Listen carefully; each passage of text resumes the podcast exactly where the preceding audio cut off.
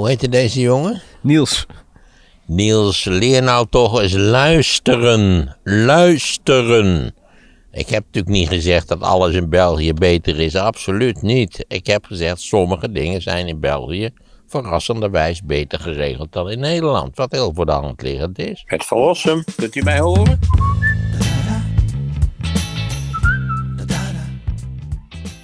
Ik heb, heb eh, nog eens even. Dat kwam eigenlijk door mijn bezoek aan Zierikzee.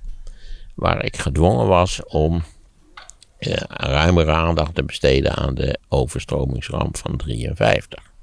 En daar zat een aspect aan wat mij toch enorm verbaasde eigenlijk. Ik had het natuurlijk willen kunnen weten, ik had het misschien moeten weten, maar door erover te lezen, niet waar, groeide toch bij een verbazing. En dat was eigenlijk het, het, volledig falen van de, van communicatiesystemen. Uh, grotendeels door de afwezigheid van communicatiesystemen. En dat is namelijk dat, je, dat onze eh, radio-uitzendingen in die tijd om 12 uur stop werden gezet en om de dag daarna om 8 uur pas weer te beginnen. Waarschuwingen van een meneer van het KNMI, die, die, die zei: Ja, we moeten, moeten dat niet doen en zo, want we moeten waarschuwen. Nou, er was kennelijk niemand bereikbaar die zin had om het besluit te nemen om de radio niet uit de lucht te halen, dus dat is toch gebeurd. Maar nog veel opmerkelijker is natuurlijk de telefonie. Want in die nacht, het was de, het was de nacht van zaterdag op zondag, toen het echt heel ernstig was en op grote schaal die dijken begonnen door te breken, eh, was er natuurlijk geen telefoonverkeer mogelijk, want ook de telefonie werd afgeschakeld om 12 uur. S'nachts en pas, ik denk om 6 uur, s ochtends weer opgestart. En toen was het vaak al zo beschadigd dat het netwerk niet meer goed gebruikt kon worden. Maar wat je toch frappeert is dat het eigenlijk ruim 24 uur geduurd heeft voordat de ernst en de omvang enigszins duidelijk werden. En dan zit je te denken natuurlijk in een land waar meer dan 20 miljoen mobiele telefoons in oploop zijn en het feit dat je altijd op elk denkbaar moment iedereen overal in de wereld kunt bellen. Als je denkt, ik ga nou die Joe Biden eens bellen, heb ik heb er echt genoeg van die Amerikanen, wat een. Niet dat je hem aan de lijn krijgt, maar je krijgt waarschijnlijk wel tenslotte een, een boodschapje van het Witte Huis van dat je niet doorverbonden kon, kunt worden. Kortom, wij kunnen altijd overal over bellen. En toen dacht ik terug aan een boek wat ik al, al jaren geleden heb gelezen. Dat heet uh, Gouden Jaren van Annegreet van Bergen. Alle boek. Is in de tijd geweldig verkocht. Ik hoef er nauwelijks reclame voor te maken. Maar daar staat een, hoe zal ik dat eens zeggen, aangrijpend verhaal in wat het betekende om geen telefoon te hebben. Ik zal zo ook allerlei normale voorbeelden geven van hoe het was om geen telefoon te hebben. Want dat, dat heeft in Nederland frappant lang geduurd dat grote delen van de bevolking helemaal geen telefoon hadden. En dat was ook overheidsbeleid. Want wat had de overheid geloof ik al, dat kunnen we wel even vermelden. Ik dacht al in de jaren 40 was geconstateerd, ja, die telefoon die, die hoefde zich niet te ontwikkelen tot een, zeg maar, een vermaakssysteem. Dat, dat, dat je een telefoon had om zakelijke mededelingen over te brengen. Alleen, dat was tot daaraan toe. Het, sowieso werd er al gefronst als je het woord telefoon zei. Telefoon was traditioneel heel erg duur, moet ik erbij zeggen. Dus we gingen dat nou niet. De telefoon had geen urgentie in Nederland. Dat hebben we geweten. Goed, in dat boek van Annegreet van Bergen, Gouden Jaren, staat een verhaal over een mevrouw. Eh, die in een uh, eenzaam gelegen woning woonde. Zij was die avond bevallen. Zij had twee hele kleine kinderen, ik geloof één van vier en één van twee of zoiets dergelijks. En een echtgenoot natuurlijk. Maar goed, zij was succesvol bevallen. Zij lag in het, in het kraambed, zal ik nou maar zeggen. En de familie hoort gestommel in de woning. En die man gaat natuurlijk kijken, wat is dat voor gestommel? Dat was een inbreker en die schiet die man dood. En die vrouw, wat poest die vrouw? dus die, die zit daar met een dode man onderaan de trap, neem ik aan. Met twee piepkleine kinderen. Zij kan niet uit het kraambed, want ze is net bevallen. Zij heeft met die twee, in doodsangst natuurlijk, het hele gezinnetje, met, eh, kleine kinderen moeten wachten tot acht uur s ochtends. Toen heeft ze haar vierjarige kind erop uitgestuurd om nog een forse wandeling te maken naar de buren, die een paar kilometer verderop woonden, om daar te gaan melden wat er gebeurd was. Stel je voor dat die mevrouw een mobiele telefoon had gehad. Maar die mevrouw had geen telefoon.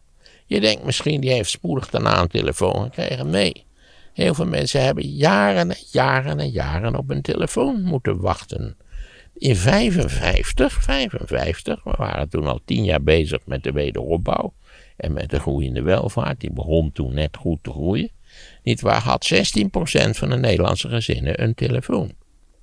In 1960 was het uh, iets toegenomen, laten we zeggen, het was 25%. Zelfs in 1970 had, had een minderheid van de Nederlandse gezinnen een telefoon. Want je moest eeuwig wachten, je kon er wel een aanvragen. Maar dan moest je eeuwig op wachten. Want ja, het had geen urgentie. Dus de PTT had allerlei enorm belangrijke dingen te doen. Maar een telefoon kreeg je niet. Ik weet wel dat mijn moeder een telefoon heeft aangevraagd. Ergens in de jaren 50. Die wij pas in 59 of in 60 hebben wij pas een telefoon gekregen.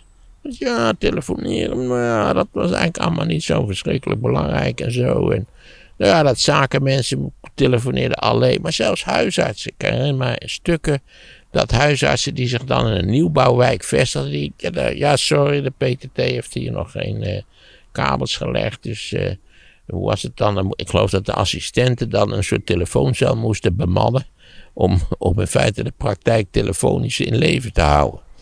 Echt absurde situaties. We zaten eigenlijk nog, nog met de korte toen, de revolutie van de, van de mobiele telefoon eigenlijk al begon. Ik weet nog wel dat mijn Amerikaanse familie op bezoek kwam. En dat wij vertelden dat we wel een telefoon hadden aangevraagd. Maar dat we die nog niet hadden. Nou, dat vonden ze echt verbijsterend. Je kon daar echt als je juist zeven telefoons zou hebben in zeven verschillende kleuren, dan kon je ze krijgen. Dat was helemaal geen probleem. En dan dacht je toch ook, is dit verstandig geweest om zo, zo uitgebreid de rem te zetten op, op de telefonie? Niet waar dat je in, in 70 dus, hè, toen, toen we de hele welvaartsrevolutie van de jaren 60 al achter de rug hadden, had nog maar 45% van de Nederlandse gezinnen een telefoon. Dat is toch een, een vrij curieuze zaak al met al. Dat was dus beleid, bewust? Dat was bewust beleid, ja. Zeker. De, telefonie, de PTT had daar ja, geen zin in of te weinig investeringsgeld. Het was natuurlijk een, het was een overheidsbedrijf. Was dat overal in Europa zo? Dat is een hoogst interessante vraag die ik niet heb uh, gesteld aan mezelf. Ik, ik denk eerlijk gezegd dat het in grote delen van Europa het geval was. Zij beschrijft ook heel aardig dat je natuurlijk altijd dan. Er was altijd wel iemand die je kende die een telefoon had. En daar ging je dan bellen. En als, die, als jij gebeld moest worden, dan kon je zeggen: Nou, bel maar dat nummer. Want dan is, dat is mevrouw Jansen, die is altijd zo aardig om ons dan even de telefoon te komen brengen. Of ons te roepen dat we. dat, dat weet ik nog op Tessel, waar wij dus ook in het appartement natuurlijk geen telefoon hadden. De laatste plek die telefonisch werd aangesloten. En dan belde eigenlijk altijd, iedereen belde de buren, de familie Zijm, die ik nog moet danken voor hun jaarlijkse dienstverlening op het punt van de telefonie.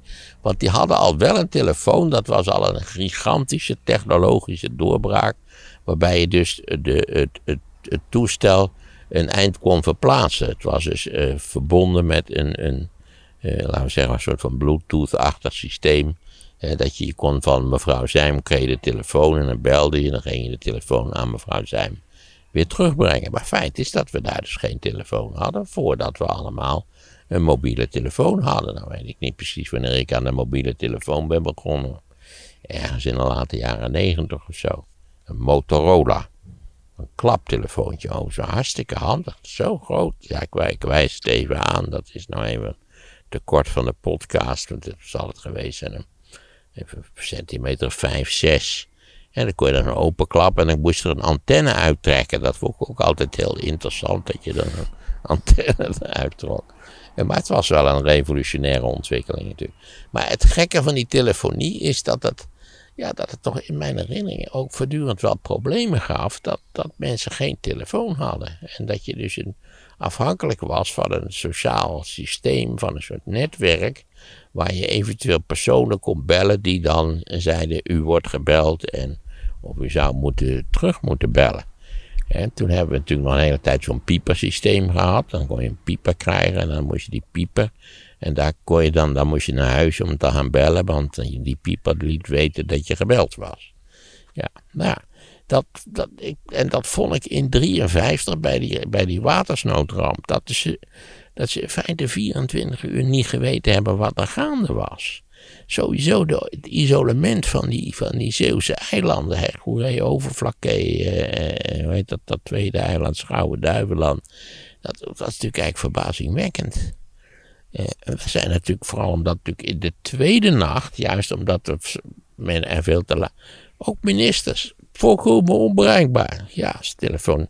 Want de telefonisten, die zijn de laatste telefonisten zijn in Nederland afgeschaft uh, in 62. Die hebben toen ook nog geprotesteerd met trekkers en zo. En die hebben nummerborden afgeplakt en zo, maar het heeft niks geholpen. De telefonisten zijn opgedoekt. Je hebt wel eens die opnames toch gezien. Dat ze van die stekkertjes in zo'n bord zetten.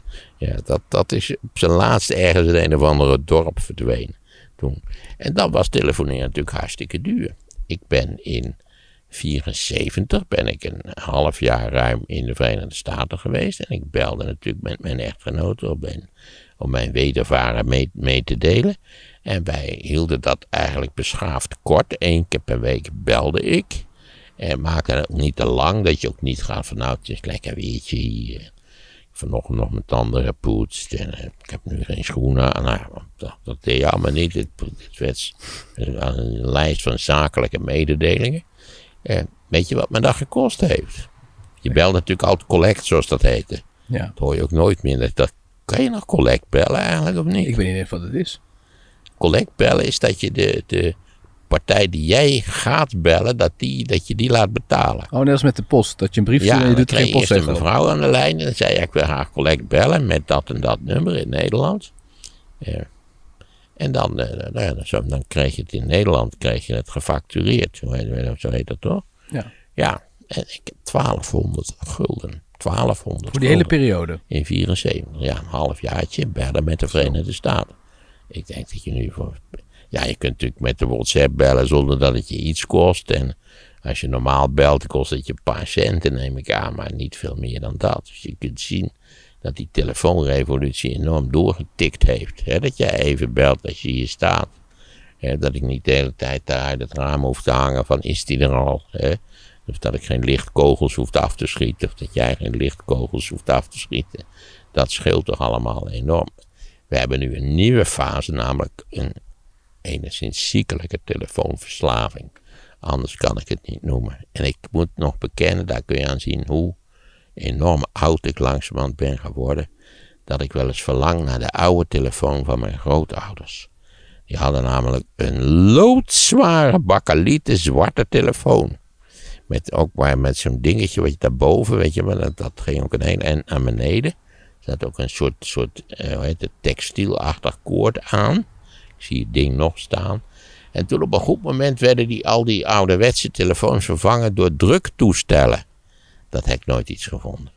Nog, ik, ik moet zeggen dat de draaischijf is voor mij nog steeds ook het geluid wat die maakte. Je kon natuurlijk horen eigenlijk als je er verstand van had welk nummer er gedraaid werd. Ik vond die druktoestelletjes altijd, en die waren ook vele licht. Het waren zulke prutstoestellen, vond ik het zo, zo indicatief van een, van een slordige, ongeïnteresseerde cultuur. Maar oké, dat is ook een voorbijgaande fase gebleken. En Ten slotte eh, hebben we nu dan de mobiele telefoon, die in allerlei opzichten natuurlijk wel superieur in elkaar steekt. Al brengt die ook aanzienlijke nadelen met zich mee. Misschien moeten we daar toch nog eens een, het licht over laten schijnen. Wat zijn we nou kwijtgeraakt door die mobiele telefoon? Hoe komt het dat vooral, het, het is bij jonge vrouwen volgens mij nog erger dan bij jonge mannen. Als je jonge vrouwen op straat ziet lopen, hebben ze altijd de telefoon in de hand. Waarom is mij raadselachtig? Kijken ze naar hoe ze, hoe ze moeten lopen, dat zal meestal toch niet het geval zijn. Het zijn ook jonge vrouwen die door het park kunnen fietsen en met twee handen tekstberichten versturen, terwijl ze kennelijk met hun achterwerk weten te sturen. Maar ja, ze kijken op waarom, dus het, het is levensgevaarlijk werkelijk. En ja, heel veel eh, jonge vrouwen lopen ook over straat terwijl ze steeds op die telefoon kijken. Met, met waarschijnlijk de, de, de noodlottige vraag: leef ik nog? Ben ik nog belangrijk? Hebben mijn vriendinnen alweer iets, een berichtje gestuurd? Lieve Lita, ik, wat missen we je hier? We hopen je over drie minuten te zien. Wat mijn, mijn kinderen ook wel tegen. Dat ze dan belden en vroegen: wat is het daar voor weer? Ja. Dat vond ik Er altijd. loopt net een meisje voorbij, die heeft inderdaad de telefoon in de Nou, hand. precies, Ja. kijk. Ja. Het bewijs verschijnt meteen op straat. En hoe, wat zie je dan bij jonge heren? Dat Ja, die? die doen dat ook wel, maar Oh, volgens mij is de frequentie minder. Ja. Ik, heb, ik heb de indruk dat op dat punt, eh, zeg maar, de emancipatie eh, bij, bij, onder vrouwen een, een versnelling door heeft gemaakt die bij, bij mannen nog niet het geval is. Ja, maar interessant is dus dat er ooit in Nederland eh, plannen zijn geweest om een wet te maken om dus de telefoon als ja, vermaaksmiddel te verbieden. Nee, nee, nee, het was niet een kwestie van verbieden. De, de overheid zei in de late jaren 40, er, die telefonie heeft geen urgentie. Het moet zo zijn dat zakelijke gebruikers van een telefoon, die, die kunnen een telefoon krijgen. Maar Jan en alle man hoeft helemaal geen telefoon te hebben, want daar gaan ze allemaal nutteloze dingen mee doen. Dat is helemaal nergens voor nodig. En achteraf moet je zeggen, ja, de meeste mensen hebben zo'n mobiele telefoon en je weet, daar doen ze alleen maar volkomen nutteloze dingen mee. Nou, spelletjes erop spelen, berichten lezen, whatsappen, eh, nou ja, wat al, al die hele poppenkast van die, van die telefoon. Ja, Hè? Die, die- je hebt ook al die systemen, Facebook, al, al, dat, al die rommel die ook op je telefoon kan. het is nu een middel geworden voor eh, bedrijven om te zien wat, wat zijn de voorkeuren van mensen. Hè? Waar zijn ze mee Ja, bezig? ja, en natuurlijk, eh, het is ook een heel handig systeem. Want ik neem aan dat Google Maps dat dat werkt met, met eh, eh, eh, informatie die ze per, computer binnenkrijgen. En dan kun je dus zien hoe lang is de file. Vind ik wel een geweldige vordering. En, en er staat ook vaak bij vijf minuten. En, dan, en altijd denk ik van ja, vijf minuten, ik geloof het niet. Het, wordt een uur. Maar ja, ik ben altijd enorm pessimistisch. Maar het, meestal klopt het wel. Ja, En dan kun je zien of het- is bruin of het is rood. eh, nou ja, kortom. Ja. eh, en die hebben ze natuurlijk, eh, die wordt, die wordt, laten we zeggen, collectief verzameld. Ja. Dat is helemaal heel nuttig.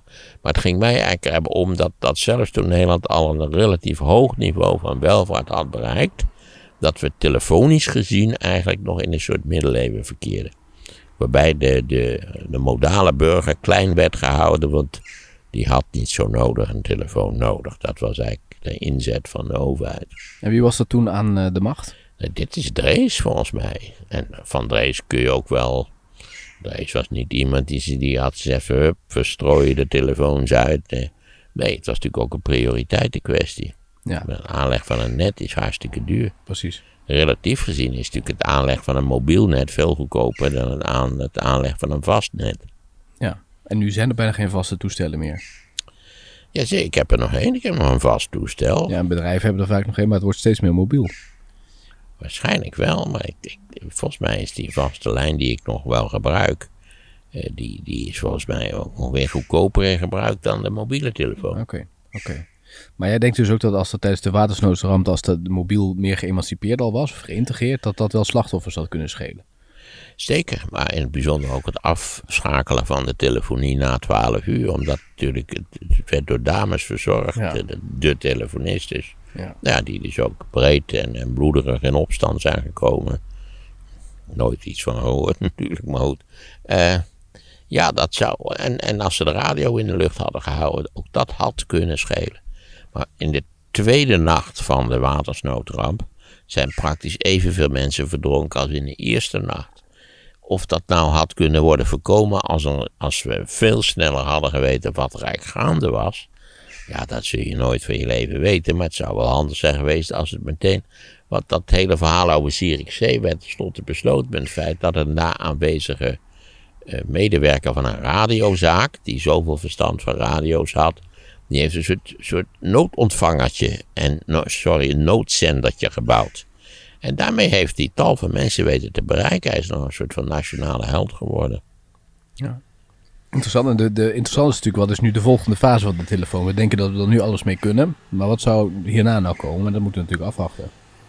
Ja, wat kun je nog verder je verzinnen? Ik, denk dat, ik vind wel dat telefoons eh, schuwduur zijn, eerlijk gezegd. Aan de andere kant, als je denkt dat je ze elke dag gebruikt. precies. Ik, ja, er schijnen mensen zijn die elk jaar een nieuwe kopen. Maar hoe dat je dat niet doet, je houdt dat ding vijf jaar, dan is natuurlijk de afschrijving per dag, die is minimaal eigenlijk. precies. Eh, Ja. Want dan heb je toch eh, vijf keer voor 365 dagen met dat stomme ding rondgelopen. Ja. Apple heeft nu ook weer eh, zo'n nieuwe eh, dingen aangekondigd. Hè. Die hebben dan weer zo'n conferentie en er worden weer nieuwe, nieuwe software, nieuwe hardware. Ja, kijk, Apple is natuurlijk, heeft alle belang daarbij. Hoewel dat lang niet de grootste leverancier van mobiele telefoons is, is het wel verreweg de meest winstgevende producent van mobiele telefoons.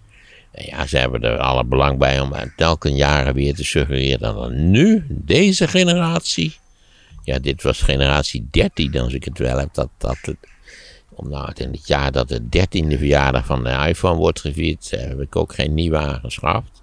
Ik weet niet wanneer van deze, deze weet ik niet eens, die is geloof ik 10. Dus dat is die Ze hebben nog overwogen om die 13 te skippen, om dat niet te noemen vanwege ongeluksgetal, maar hebben ze toch niet gedaan. Oh, dat zou ook wel een beetje kinderachtig zijn geweest natuurlijk. Dus nu komt nummer 14 in het eh, komende najaar. En nou ja, dat die zal ook wel weer, denk ik, massaal.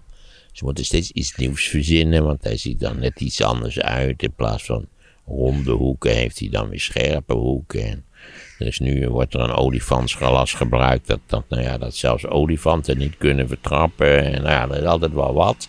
Maar natuurlijk in essentie blijft wat dat ding doet wel hetzelfde als de afgelopen jaren al het geval was. dat klopt. Wat niet wegneemt natuurlijk dat, dat typisch Apple overigens, dat je die ideeën van anderen verwerkt in een toestelletje waar je van alles nog wat op, verder op plakt. En dat je dan een fantastische marketing hebt, waardoor dit ding het meest winstgevende artikel van de afgelopen 15 jaar is geworden.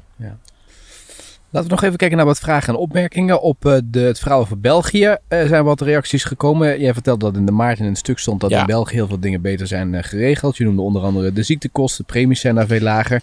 Maar er zijn mensen die zeggen, ja, er zijn toch ook heel veel dingen slechter in België. En er wordt toch heel vaak het wegennet genoemd. Daar hebben ze groot gelijk in. Daar hebben ze echt groot gelijk in. Ik heb vaak genoeg heb ik kleine fouten gemaakt in België. Ik herinner mij dat ik ooit met mijn zuster naar Brugge reed met de auto. En mijn, zu- mijn zuster reed met mij mee. En nou ja, er bleek eigenlijk geen, geen bord te zijn bij de afslag Brugge. Hadden ze vergeten, omvergetrokken, of in de sloot gegooid, weet ik veel. Dus we waren al ruimschoots voorbij Brugge. Eh, toen we erachter kwamen dat we op de verkeerde weg waren. Dat heeft ons enorme moeite gekost om op tijd in Brugge te arriveren. En dan was die, die, die weg Antwerpen-Gent. Ik geloof dat het nu wel iets verbeterd is. Dat was zo'n weg met van die betonnen platen. Dus dat je te doen, te doen, te doen, te doen, te doen. En naarmate je harder reed, te doen, te doen, te doen, te doen. Dat je echt denkt, van, als je deze weg elke dag heen en terug een keertje rijdt. Dan is je auto in feite na twee jaar volledig afgeschreven. Ik ben ook wel eens verdwaald in het Antwerpse havengebied met die illusie die volgens mij vele Nederlanders hebben gekoesterd om die afschuwelijke Antwerpse ring over te slaan en dan door het havengebied te steken. Nou, dat was ook een avontuur zeg. Het was net of we de, Nijl, de monding van de Nijl gingen ontdekken. Dat was ook... En er moet gezegd worden, het effect van de enorm slechte infrastructuur in België is aanzienlijk. Want het aantal doden per afgelegde kilometer, autokilometer, is in België twee keer zo hoog als in Nederland. Dus het is wel degelijk ook, het heeft hele negatieve effecten. Ja. Maar het artikel was juist gericht op het idee, ja, we zien België toch een beetje als het, als het eh, manke broertje van Nederland. Maar dat is niet in alle opzichten terecht. Nee. Ben je trouwens toen uit die eh, eh, haven nog eh, teruggekomen, ben je waarschijnlijk bij de ring op moeten. Ik heb geen idee hoe ik eruit ben gekomen. Het schijnt wel dat ze vaak auto's vinden met skeletten erin van mensen die het opgegeven hebben. Die gewoon hebben gezegd, eh, sorry. Maar... Nick Kasman die zegt: Het is dat mijn kinderen hulpbehoevend zijn en mijn vrouw en ik met veel moeite van alles aan hulp voor ze geregeld hebben. Anders waren we wel vertrokken, maar we doen wel boodschappen en tanken in België. Dat is wat je natuurlijk vaak hoort. Ja, waarom niet? Als je daar veel goedkoper kunt tanken, dan zou ik het ook doen, eerlijk gezegd. Ja, dan hebben we Koen die zegt: België is qua humor tegenwoordig gewaagder en scherper dan Nederland. Hier Oh. is iedereen de angst om het hart eh, geslagen om maar niemand te hoeven kwetsen. Dat zie ik in België toch minder, zegt hij. Ja, ik denk dat dat juist is in die zin dat wij cultureel altijd een beetje voorlopen eh, op België. België heeft een wat traditionelere cultuur. En wij zijn dus veel meer in, in de greep van politiek correcte ideeën geraakt. Waardoor je inderdaad nou ja, van alles en nog wat denkt. Oh jee, oh jee, wat gaat. Ik kan dit niet zeggen, want. Dan staat morgen de politiek correcte politie op de stoep. Dat is in België dus minder. Ja, minder. Ja. Waarschijnlijk omdat ze traditioneler zijn. Ja. Marcel Blok die zegt, eh, beste Maarten, het symbool voor een SD-kaart lijkt weliswaar op een jerrycan, maar is eigenlijk een pictografische afbeelding van een SD-kaart. Een rechthoekje waarvan één hoekje is afgeschuind. Dat gaat over dat ding wat steeds Ja, op dat, dat... is eh, ongetwijfeld juist. ja, oké, grappig, dat wist ik ook niet. Dus. Ja, maar iemand die stuurde nog een mailbericht dat wij, die zei dat de jerrycan, de jerry in de can, dat, de dat het ding can heet, oké, maar de, waarom heet die jerrycan?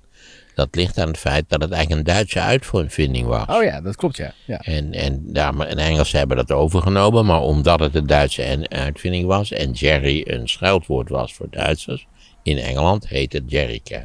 Nou, dat wist ik absoluut niet. Ik had me er ook niet in verdiept, maar ik wist het niet en ik vond het leuke informatie. Echt iets voor een, voor een stil avondje om eens te vertellen. Jongens, hè, weten jullie wel dat? Dan hebben we Niels Ho eh, Hosder. Die zegt, eh, ik ben het totaal niet eens met de opvattingen van eh, Maarten dat alles in België beter is. Bij jullie in Nederland. Nee, maar...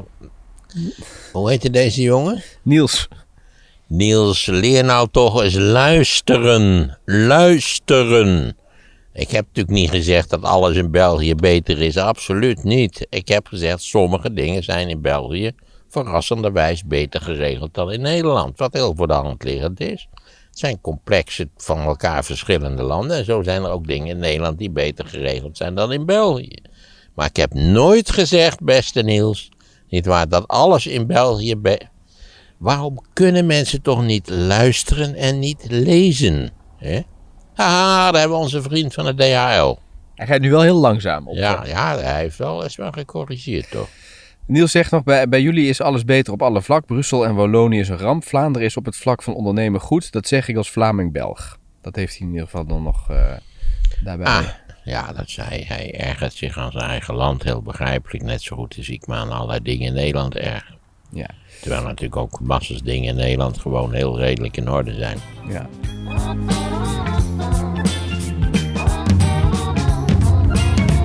Luisteren. Dit is de verlosser van Duitsland. Dit is de redder van Duitsland uit de nood.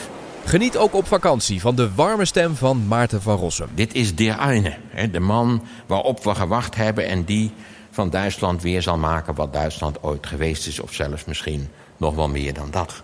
Download het luisterboek over Hitler via de link in de beschrijving. En dat betekende dat velen in feite hun kritiek hebben opgeschort.